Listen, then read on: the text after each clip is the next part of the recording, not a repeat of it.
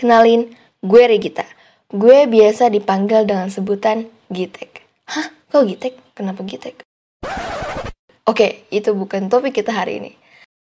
Selamat datang di podcast pertama gue. Kali ini kita bakalan bahas... Jeng jeng. Cara gue keluar dari zona masa lalu yang buruk. Melupakan sesuatu yang membuat kita sakit, entah karena ulah seseorang atau ulah kita sendiri, memang tidak mudah, bahkan mungkin tidak bisa. Dan melupakan sesuatu yang membuat kita merasa malu, entah karena ulah seseorang ataupun ulah kita sendiri, memang tidak mudah. Lagi-lagi, bahkan mungkin tidak bisa. Bagi gue, bagi gue nih, melupakan sesuatu yang membuat diri kita merasa trauma bukanlah pilihan yang baik.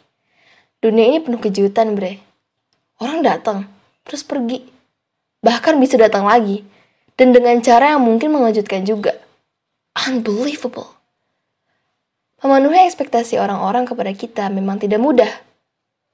Lagian ngapain juga lo memenuhi ekspektasi mereka? Gak akan ada selesainya. Yang ada lo capek sendiri coy. Tapi terkadang, orang nyampein ekspektasi mereka ke kita itu justru bisa jadi hal positif loh. Asal kita nerimanya aja gimana. Lo mau buktiin apa enggak ke mereka? Kalau sebenarnya, tanpa menuhin ekspektasi mereka aja, lo udah keren. Wede. Oke, balik lagi ke topik kita yang tadi. Bagi gue, melupakan sesuatu yang membuat diri kita merasa trauma bukanlah pilihan yang baik. Loh kenapa? Seperti yang tadi gue bilang, dunia ini penuh kejutan, bun. Lo gak bisa tahu apa yang bakal terjadi. Kecuali lo cenayang atau dukun. Kita semua butuh pengalaman untuk ke depannya. Butuh hal-hal gila untuk menjadi keren. Jadi anggap aja yang udah lu lalui selama ini tuh sebenarnya bekal dan anugerah yang dikasih Tuhan buat kita untuk ke depannya. Lo gak bakal bisa keren tanpa lo melewati hal-hal gila dalam hidup ini. Karena orang-orang keren, mereka bisa melewati hal-hal gila dalam hidupnya dengan caranya masing-masing. Stop gila dengan artian ujian-ujian hidup yang agak complicated. Mungkin salah satu ekspektasi orang-orang tentang diri lo tuh ini nih. Uh, pinter semua mata pelajaran. Hebat dalam semua praktek-praktek ujian. Ini nih buat para cewek-cewek. Anggun, kulit putih. Atau agak beda, orang yang expect lo punya banyak duit. Atau keluarga yang harmonis. Padahal setahu gue, keluarga yang harmonis pun pasti punya cerita yang gila juga. Ya nggak? Karena suatu hal gak bisa keren tanpa melewati sesuatu yang gila. This is called life. Hidup ini penuh plot twist yang mungkin terkadang agak mengagetkan juga. Sebenarnya simple. Kalau lu mau perjalanan hidup lu halus, sehalus pipi hari ini, ya gimana ya? Gak bisa bre. Tapi kalau lu mau lu hadepin semuanya dengan easy, itu gampang. Kalau kata skala, enjoy the life. Oke, ini cerita singkat gue. Gue tiga bersaudara. Cewek semua. Gue beda dua tahun sama kakak gue dan beda tiga tahun sama adik gue. Mereka berdua bisa dibilang lebih anggun dari gue.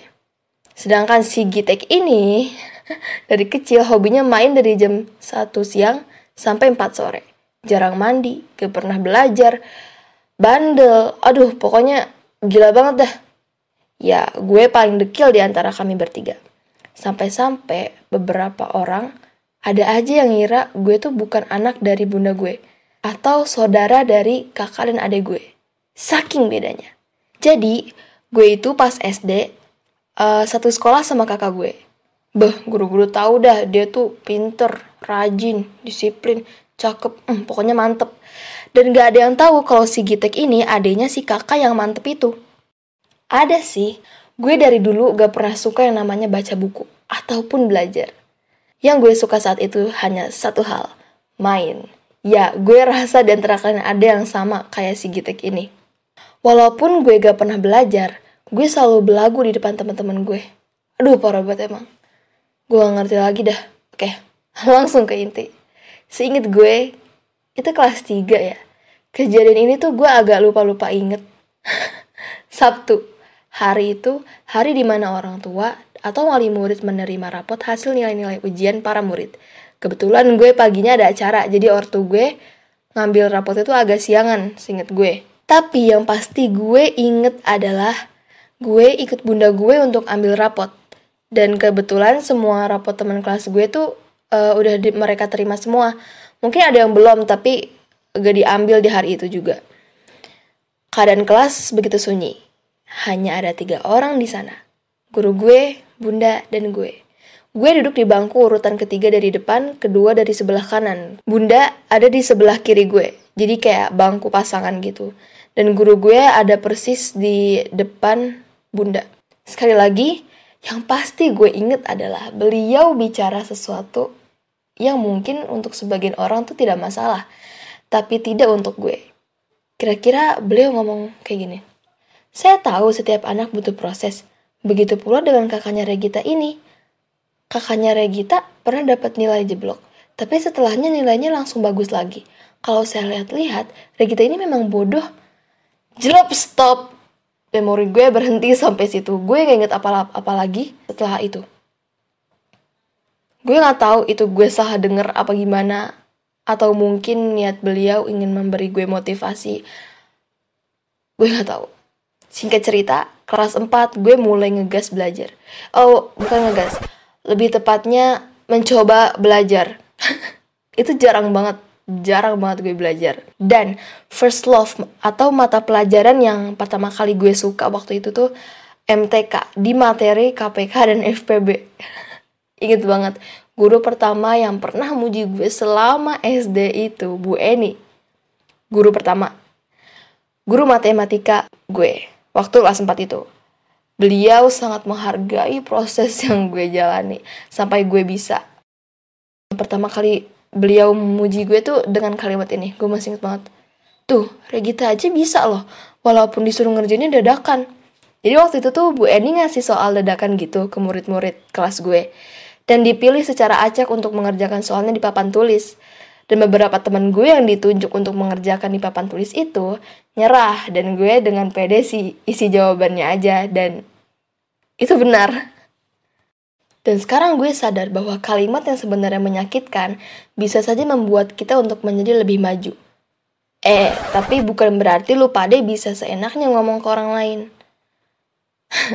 Dan karena satu kalimat Bu Eni itu, gue jadi semangat buat belajar banyak hal. Terima kasih Bu Eni. Singkat cerita, gue masuk SMP. Angkatan pertama di sekolah itu.